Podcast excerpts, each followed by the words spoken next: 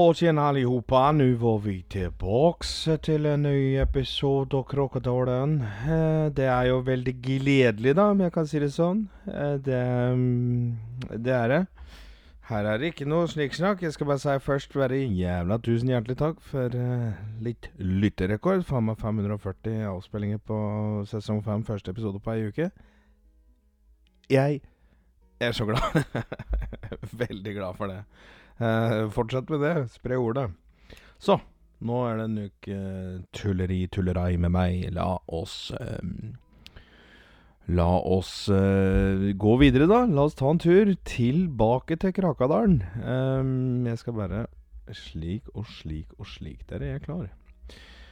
Nå skal vi til Krakadal allmennskule. Vi var jo en tur på bensinstasjon tidligere. Eh, Nå skal vi da på allmennskolen.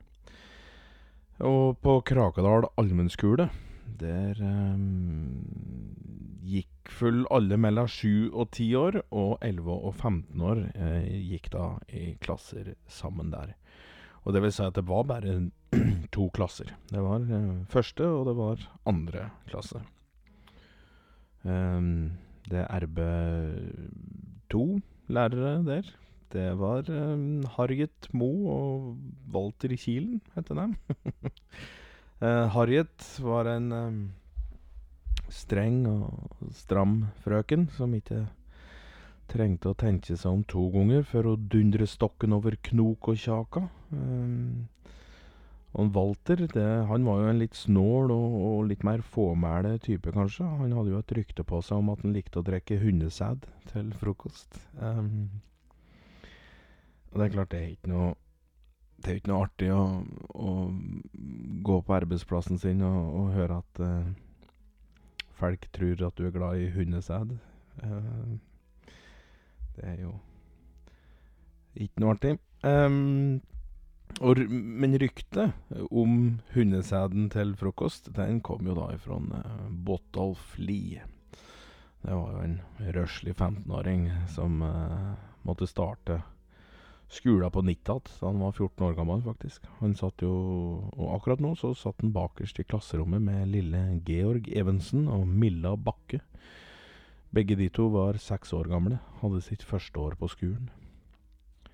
Og Botolf han hadde jo et talent for å tegne erotiske bilder som ofte ble beslaglagt av lærer Walter Kielen, som flere ganger ble observert, faktisk, i å gnu på seg sjæl på lærerværelset mens han glana på tegningen til Botolf. Så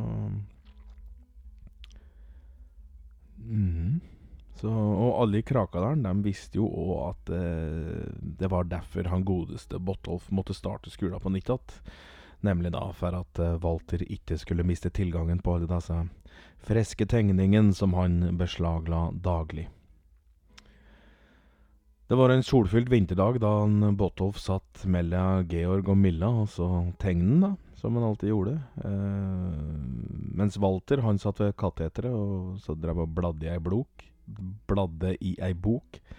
Men uh, ut ifra den fæle fæle bula som sprengte turbuksen på en Walter, så skjønte jo Botolf at i boka til lærer eh, Walter, så som han eh, tilsynelatende satt og leste i der, så var det jo tegningen hans som læreren eh, satt og, og glana på. da. Å, hundeknuller, hundeknullerkilen! Da, da du er ferdig med tegningene mine, så vil jeg helst ha dem tilbake igjen, så jeg kan lage en utstilling. Hoie Botolf. Jeg veit ikke helt hvorfor han kalte den for hundeknullerkilen, men det kan jo fort ha vært at det var en At det var en eh, Jo, det veit jeg jo, for Walter heter jo Walter Kilen. ja, ok. da er det ikke rart. Nei, da hoien, vet du. Hundeknullerkilen. Ikke sant. Og Walter han la jo da boka si forsiktig ned, og han satt ganske lenge før han hoste tre ganger. Og så reiste han seg opp og tok noen tunge skritt bort mot eh, Botolf. Og så ga han en eh, pekefinger, som antyder litt slik at Georg og Milla de skulle sette seg ned på gulvet. Mens, eh, mens eh, Walter sjæl, satte seg på på Georg sin pult. Han la det ene beinet sitt over Botolf, så han satt omtrent litt skrevs over. Botolf skjønte jo ingenting vet du, til hva det var som skjedde, og, og spurte da om han skulle suge peken hans. Ja, det kan du gjette, svarer Walter. Og Botolf han stivnet skrekk her. Eh, alle unger snudde seg bort, eller så puttet de nesen ganske langt ned i skrivebøkene sine. Bare knep opp du, Botolf. Har du søg i færen? Nå ble Botolf litt kvalm og litt uggen. Kjente kanskje litt på at han hadde lyst til å, å, å, grine. Han hadde jo bare tullet, slik han alltid gjorde. Han mente jo ikke at han ville suge læreren sin på ordentlig. Nei. Skal jeg kneppe opp sjæl, jeg, da? undrer Walter på. Botolf sa heller ikke nå noen ting, og han klarte ikke lenger å kontrollere tårene sine, så de piplet ned, de, som to skrentefosser på kjaka. Men Walter lente seg med hugu ned og, og, og, og, Eller lente seg med hugu ned, ja. Så hugu kom nærmere Botolf, og så tok han tak i nakken til Botolf, og så sa han Neste gang kanskje du ikke trenger å si noe du ikke mener eller, eller vil gjøre. Neste gang så kanskje du bare skal holde kjeften din. Neste gang så kanskje du ikke ser på meg. Men hva sier du? Mm. Skal vi lett at jeg ligger nå, så gjør du ferdig skriveoppgava di. Løkkeskrifta di ser jo faen skjerma ut som en skrevet av ei kråke, Jeg skjønner faen ikke hva som står der, Bodolf. Mm. Hadde du kanskje kunnet tenkt på andre ting enn kjønnsorganer og samkvem, så kanskje du hadde kunnet skrive et brev til mor di? Stemmer det, stemmer det. Det er iallfall ikke så lett å lese nå, da. Da hun ligger der og venter på døden. Mm, det er synd. Det er synd.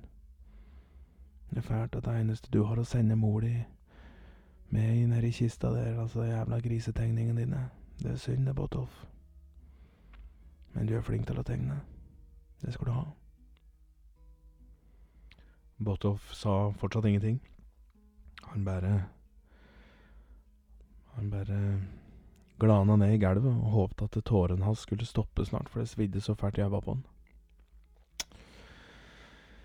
Ja, jeg, jeg antar at det ikke blir noe kukksuging her likevel, så nå går jeg tilbake til plassen min, og så gjør du ferdig oppgava di sa han Walter, og så klappet Botolf så hardt i bakhuget at samtlige elever følte at lyden ga dem òg et klapp i bakhuget. Og den dagen så var det ingen flere som sa noen ting i første klasse. Eller i første klasse. I andre klasse, da, der gikk det da blant annet to søstre. Det var Jofrid og, og Jorid Granskaug. De vokste opp med sin mor etter at far deres tok sitt eget liv dagen de ble født.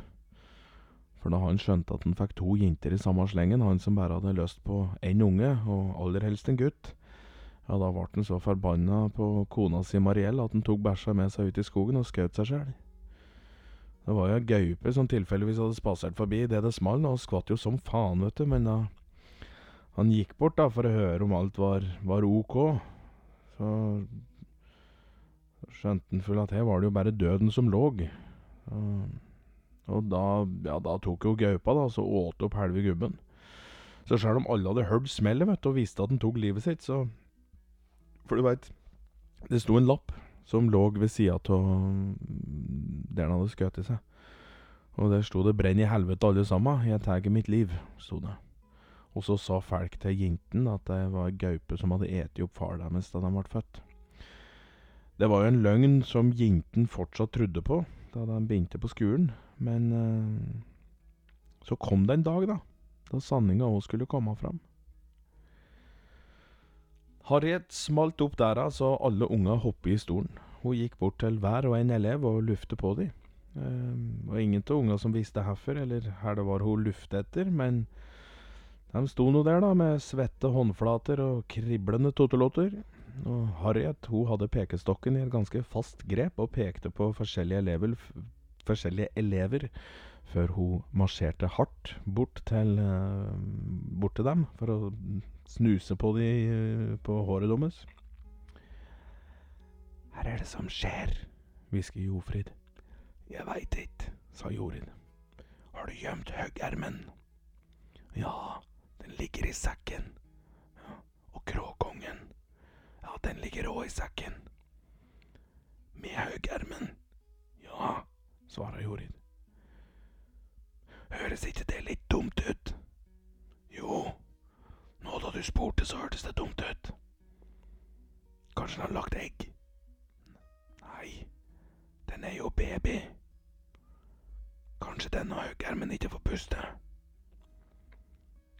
Jeg skal sjå, sa Jorid og lente seg ned mot den lille sekken sin. Lærer Harriet fikk det med seg og marsjerte bort og skulle til å smelle stokken over riggen til lille Jorid når hun reiste seg opp igjen og skvatt av synet av Harriet som sto så nær, og hoggermen den ble jo kastet i ansiktet og inn i munnen på Harriet, som umiddelbart begynte å bite og knaske og gnaga, og så kom hun med noe av de rareste lyder unge hadde hørt. Og dama hun stønner jo litt rart, da, og ormeblodet det rant jo ut ur munnen og ned haka hennes mens hun sto der og gnagde og smatte og stønna. Det var liksom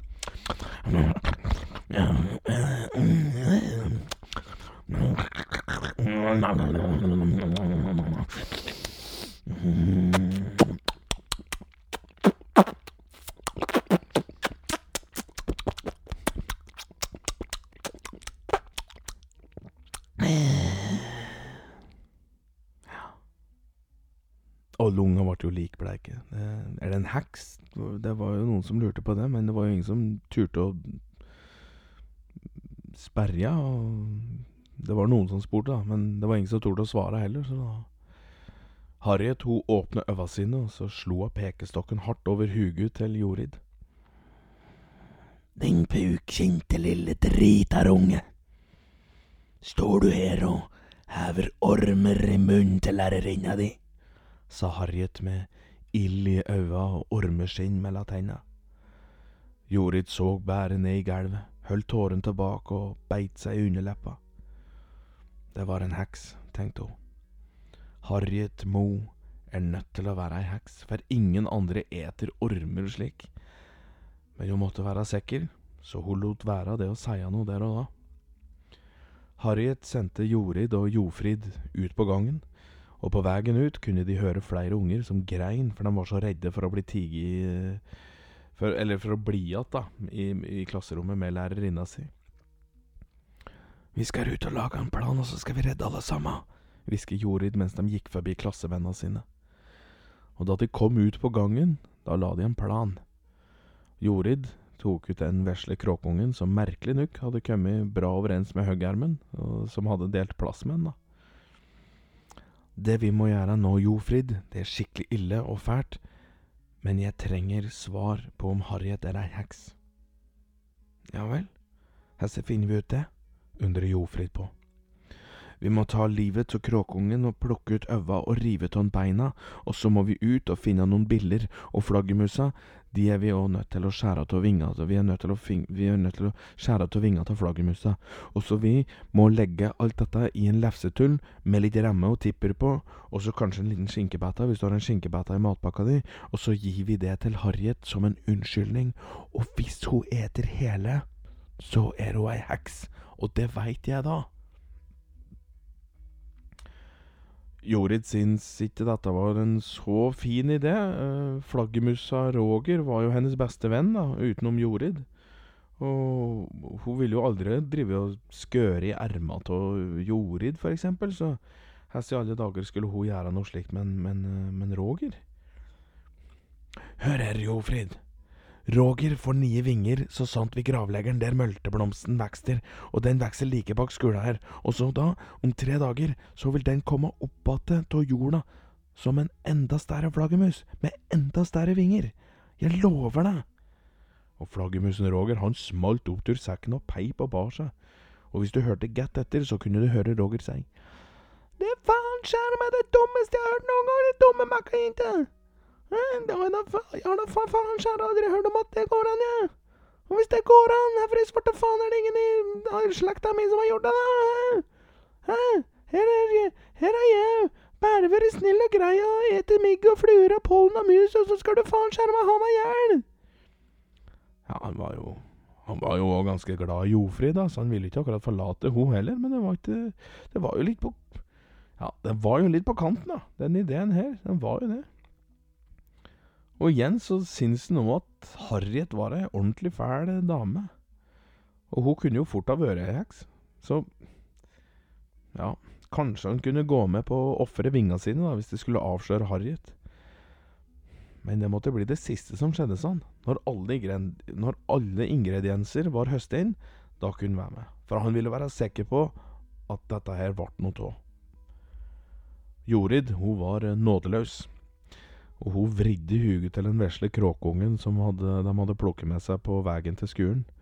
Og Roger han peip jo for seg sjøl. Han hadde jo aldri trodd vet du, at denne vesle jenta der kom til å gjøre det der så ja, nådeløst, da. Så han skjønte jo at han var rævkjørt, da, for å si det pent. Og tre års vennskap skulle jo nå møte sin ende idet han innså at han skulle ofre sitt liv for å avsløre ei heks. Jorid hun fant en eh, liten pinne ute på gårdsplassen og pirket ut øva på kråkeungen, og så la det de mm, øveepla i lefserullen. Og så tok hun og beit av beina, eh, la de opp i lefsa òg. Ja, slik. Da mangler vi biller, sa Jorid, og så begynte hun å luske rundt i lyngen som lå bak skuren, og det gikk ikke lenge før hun fant både løpebiller, marihøne, snutebiller og to trebukker. Så hun klemte de forsiktig i lefserullen, så det knaser litt, og hun var sikker på at de daua, og de lå der urørlige. Så fant hun fram lillekniven sin, som hun hadde fått av nabogutten. En Roger ba pent om at de måtte si ifra til mor hans at han hadde fløyet til Sverige med ei dame hvis de skulle møte henne. Og så måtte de òg skjære av skånsomt, så de, de, de var helt sikre på at vinga ville få rette linjer da de vokste ut igjen. Jorid skar tå vinga, mens Roger peip og skreik på en stubbe og pakket inn de der eh, vinga da i lefserullen. Og Jofrid-Sakar hun grein jo over at Roger hadde det vondt. Gravla han i møltelyngen og trøsten med at de kom til å ses bare om noen dager. Og hun lovte at da skulle hun aldri skjære av vinga noen gang igjen. Og etter det, da, da smaug de seg eh, inn på lærerværelset, eh, der kaffekjelen sto. Eh, der, de, og der var det òg remme og, og tyttebær som de la i lefserullen. Og jaggu lå det jo faen ikke en diger skinkebæta der òg, som de tok. Det, og dette var jo bra. Det var jo kjempebra, for da slapp Jofrid å, å dele matpakka si med, med, med Harriet. Og så gikk de rett og slett og bare banke forsiktig på dæra inn til klasserommet. Og Harriet åpna og ble jo lynende forbanna, da. Hun så at det var disse to søstrene Granskau som igjen forstyrret timen. Vi skammer oss, frøken, så vi lurte på om du ville ha maten vår.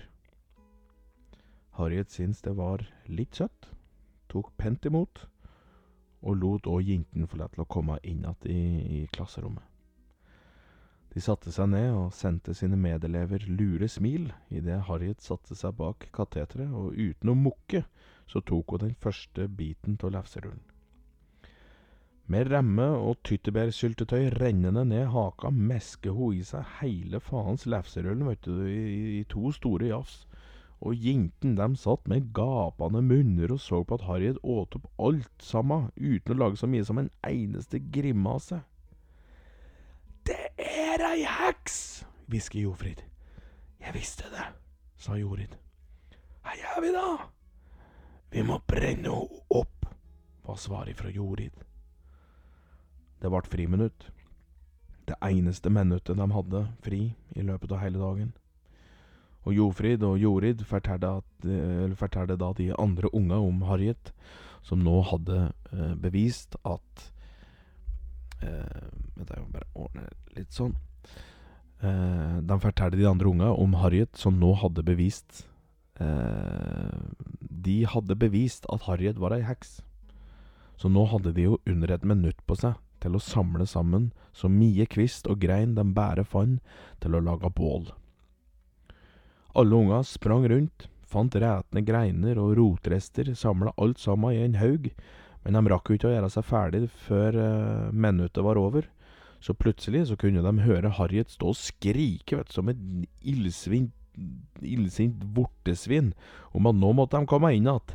Men alle unger var redde nå, vet du, så de gjemte seg da heller bak trea som omringer skoleplassen. Harriet gikk inn og kom ut igjen med en kniv, og sa at unger som ikke hørte etter, de kom til å miste øra sine.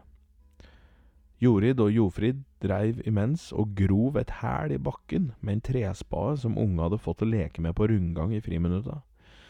Og vanligvis så lagde de bare små innsjøer da det regnet, men nå så grov de for harde livet. Så de da Ja, så at det skulle bli en slags felle, da. Og da hælet var en halvmeter uh, halvmeter djupt og en halvmeter bredt, da ropte de på Harriet at de satt fast, og at hun måtte komme og hjelpe til. Og Harriet hun marsjerte med harde skritt og med fingra klemt rundt kniven så blodet rant mellom fingra på henne. Og her skulle det faen skjære meg skjære ører, ører til, til, sola gikk, gikk ned, tenkte hun mens hun gikk og marsjerte. Men plutselig så snubla hun brått, gitt, og ansiktet det gikk deis i bakken, og kniven den hadde lagt seg slik i fallet da, at da hun snudde seg, så satt jo kniven fast i hofta på henne. Og det, hun skreik jo som et vortesvin uh, tidligere, men nå, fy faen, ja, nå skreik hun jogge som en skabberæv, altså. Det var, det var jævla høyt, for å si det pent. Og før Harriet fikk samle seg, vet du, så kjente hun da noe som traff henne gjentatte ganger i huget da, og i ansiktet. Og der sto unga, da, med stein og spade, og slo løs på denne eldre lærerinna si, og Ja, de slo jo og slo, da, helt til Harriet svimmet av. Eh, rett og slett. Og da hun våkna opp, da eh, Da var hun bundet fast til et tre. Og rundt beina der lå det tær kvist og, og grein og rotrester. Hun så seg rundt, og så så hun elevene sine stå i ring rundt med, med redsel i, i øva. Her, her er det som skjer. Her er det du driver med. Nå slapper du meg løs, forpurte jævla gærninger, gitt. Dette her skal foreldra deres få vite av og du, og du skal jogge få binde på skolen helt på ditt dumme faens makkaunger. Hoie Harriet. Det var en guttunge som heter Benny. Han var, han var, han var kjent for å sette fyr på mye rart, han. Han var ni år gammel, og, og han hadde alltid med seg flint og stål. Og han huket seg ned og lot stålet blant neveren, la stålet blant neveren, og så slo han flinten imot, og på bare et par forsøk. Så blusset det opp noe reik, og så en bitte lita flamme av gnisten som slo. Og da fikk jo Harriet panikk og lurte på hva i svarte helvete det var de drev med, men unga de bare sto der med, med store, store øyne. Og en hakkespett, da, som var i nærheten, fikk jo med seg alt dette levende, og syns jo ikke anna skrikinga til Harriet var så jævla ålreit å høre på. Så hakkespetten den flydde jo ned og satte seg på huget til Harriet, da, så hakken sin øynene hennes, slik at hun ikke skulle få se hva det var som skjedde. Så, for da slutter jo hun òg med disse dumme spørsmåla, tenkte hakkespetten. Eh, og unga sto jo og gapa, vet du. Eh, noen ble jo kvalme, selvfølgelig. Det var ikke noe trivelig syn eh, for noen, vil jeg påstå. Og denne hakkespetten da, så jo bort da på Jofrid og Jorid, og så sa han hei, hei, hei, hei, hei fy faen, det har fælt leven på den kjerringa, gitt. Men nå, nå, nå, da jeg har hørt det her, da, så også begynner Harriet å skrike vet du, enda mer. Uff, ja, åh. Det er vanskelig å konsentrere seg med denne skrikinga. Bare vent litt, vent litt, sa hakkespetten. Krabben nedover kjaka til Harriet så negla stakk eh, Altså negla Er det ikke negler hakkespetten har? De kløra, da. Kløra stakk inn i huden, da. Til eh, den vettskremte lærerinna. Og, og, så satte jo hakkespetten i gang, vet du, og hakk, hakke løs på, på, tenner og tunga til Harriet. Og, og Harriet fortsatte jo å lage ulyder. Flammen begynte jo å nærme seg beina til Harriet òg. Og, og, så sier hakkespetten det at nå, nå må hun være rolig, for han hadde en beskjed å gi. Og, og han klarte ikke å konsentrere seg hvis Harriet skulle drive og skrike så fælt. Og Harriet tryglet om at hakkespetten måtte hjelpe, men hakkespetten sa at nå som hun var blind, så var det ingenting han kunne hjelpe med. Snart så brant beina hennes oppå, og hva slags liv skulle da hun leve da, undrer hun hakkespetten på da. Nei, han gjentok at hvis hun ikke sluttet å skrike, da måtte han eh, kakke hæl i huget på henne. Og det var vondt, for huget er tjukt som tusen må vite. Så, så Harriet roet seg ned, da, men så begynte hun å skrike, vet du, når flammen begynte å brenne oppover låra.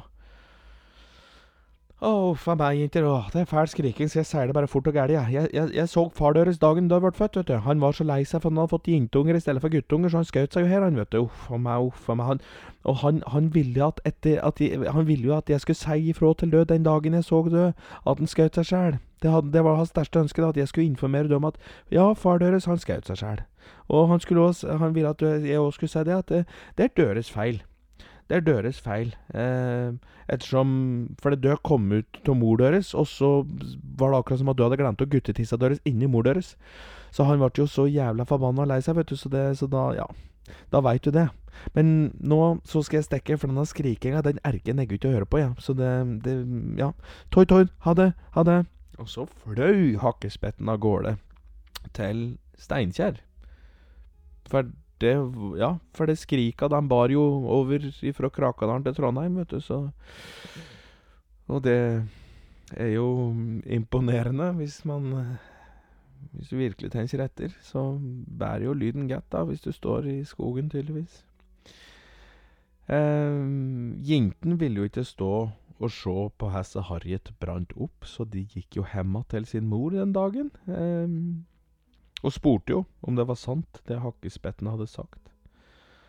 Og da mor bekreftet at det var slik, så, så skammet de seg over sin far, som hadde trodd at bare fordi de ikke var født med guttetisser, så skulle det liksom ikke bli fælt av dem.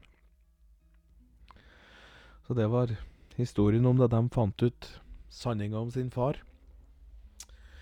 Men på Krakadalsskolen så hadde de jo òg en vaktmester. Det var han godeste Allan Erling Forsberg.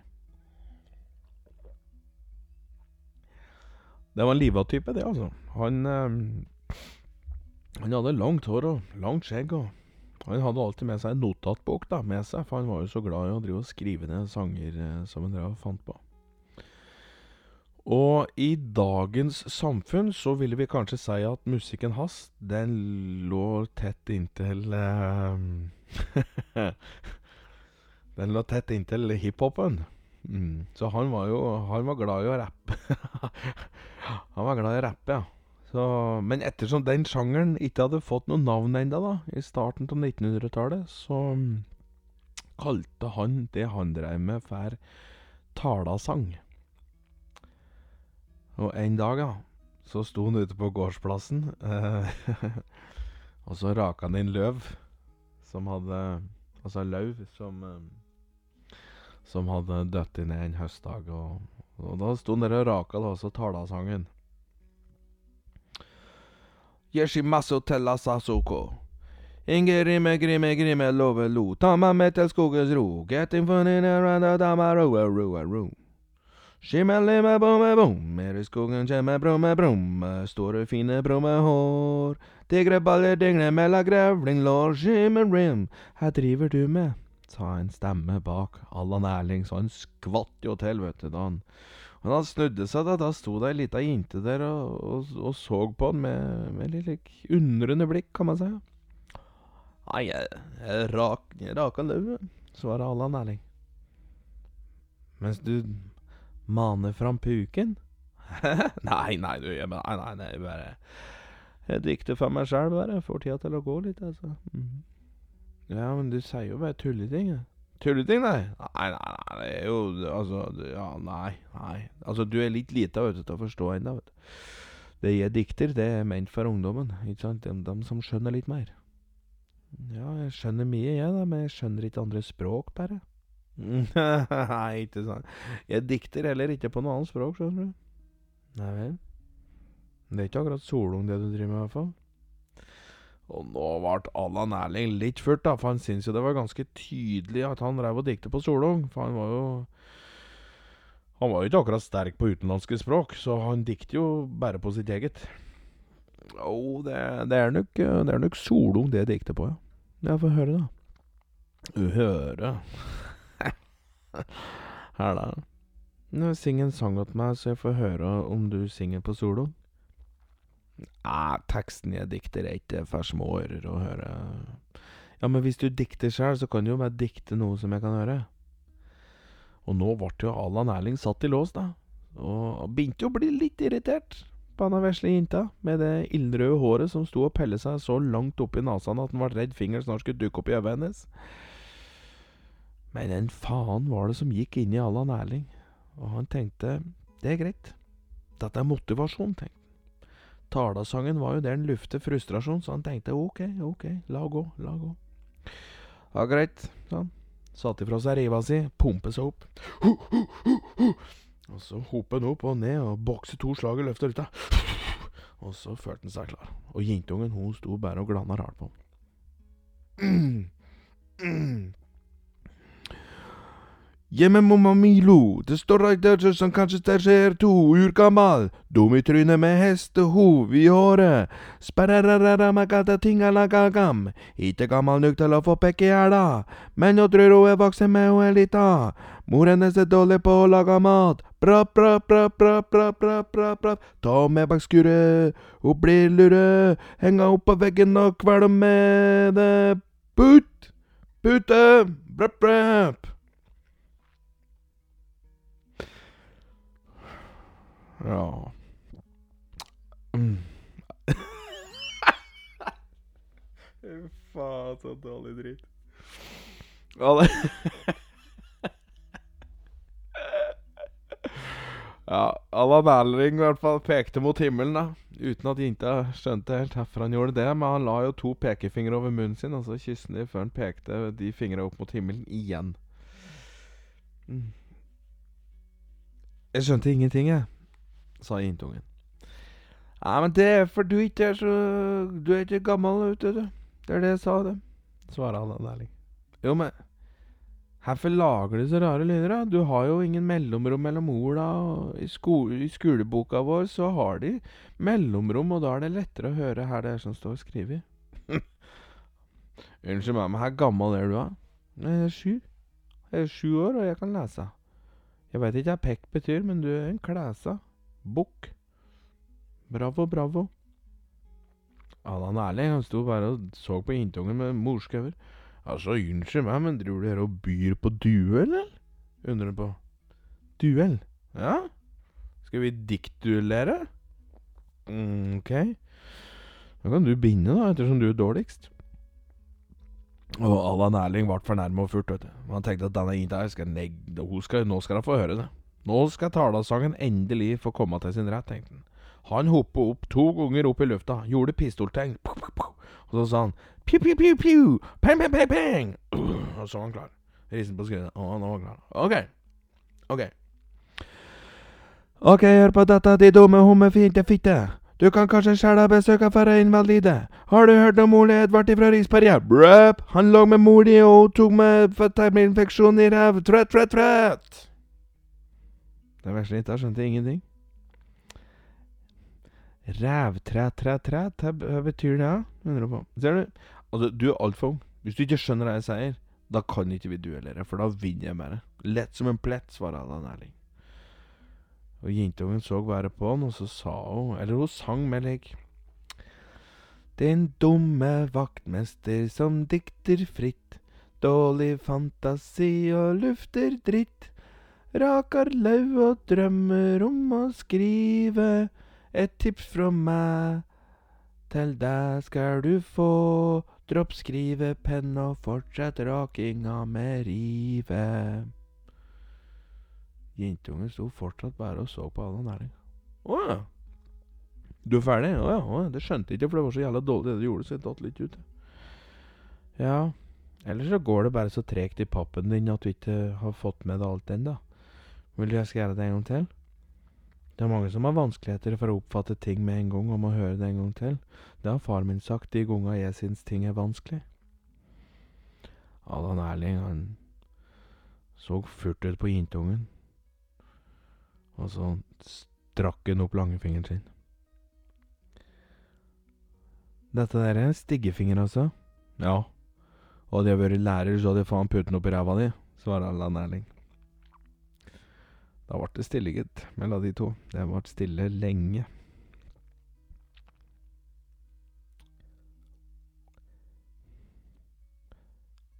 Jeg antar at du bare vil jeg skal gå? Ja, det er for best, det. Men uh, mm. Men, men du, ikke si noe til mor di om at vi har duellert, er du snill. Hun er ikke noe glad i talasangen min. Nei, det er greit, det, onkel Allan. Vi ses på søndag, da, sa jentungen. Så gikk hun tilbake til klasserommet sitt. Så, og før vi nå avslutter, da så er det sikkert mange der som sitter nå og gnur seg på haka og klør seg i hår og lurer på her i alle dager Hva var det som skjedde med han flaggermusa Roger? Jo, han reiste seg opp av tur jorda tre dager etter han, han var gravlagt uh, under disse mølteblommen. Men han var så ivrig og glad, så han fløy seg, seg fast da i håret til Allan Erling. Og Botolf, som hadde med en pistol på skuren som han egentlig hadde tenkt han skulle bruke på lærer Walter Kielen, ja Botolf han skjøt da stakkars Roger, da. Så blodet det sprutet i ansiktet til vaktmesteren, og så dessverre, da, så det ble jo ikke akkurat noen ni vår på, på, på flaggermusa Roger. Dessverre. Så Nei ja, det var mye rart som skjedde på, på Krakadalsskolen. Det var mye, mye rare typer, gitt. Og åkke veit, altså kanskje vi tar en tur tilbake en gang i, i, i tida for å høre om, om, flere ting som skjedde der.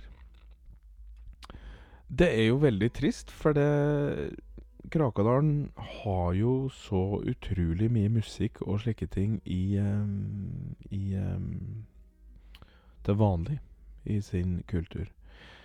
Problemet er bare at på Krakadalsskolen så var ikke musikk noe de fokuserte på. En uh, Walter i Kilen, han um, var jo tonedøv, men han var gærne glad i å, å tromme på kateteret med fingrene sine. Men det ble jo dermed jævla vanskelig for elever og, og slike ting å på en måte uh, komme seg noe like faglig sett videre i, i, i musikken. Så dessverre er det ingen sang um, i denne episoden. Det er det ikke. Vi høres tilbake ehm, om ikke så altfor lenge. Uh, da kommer vi òg tilbake, eller jeg kommer tilbake, men jeg kommer òg til å ha med meg brevlesere framover, som er veldig etterlengta for min del. Jeg syns alltid det har vært ålreit når du hører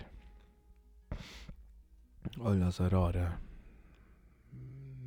folka som har, med, som har drivet og plukket ut vandrere på skogsvandringer og diverse. Ikke sant, Nå sklir jeg ut her. Jeg ønsker deg bare ei riktig så god helg. Eh, eller en fin dag, eller hva faen du vil ha. Jeg ønsker deg alt godt, samme tusen. Så jeg bare sier hei, hei. Vi prekes. Og fortsett å spre og del ordet. Det gjør meg utrolig glad, uh, selvfølgelig. Og ja. OK. Ha det.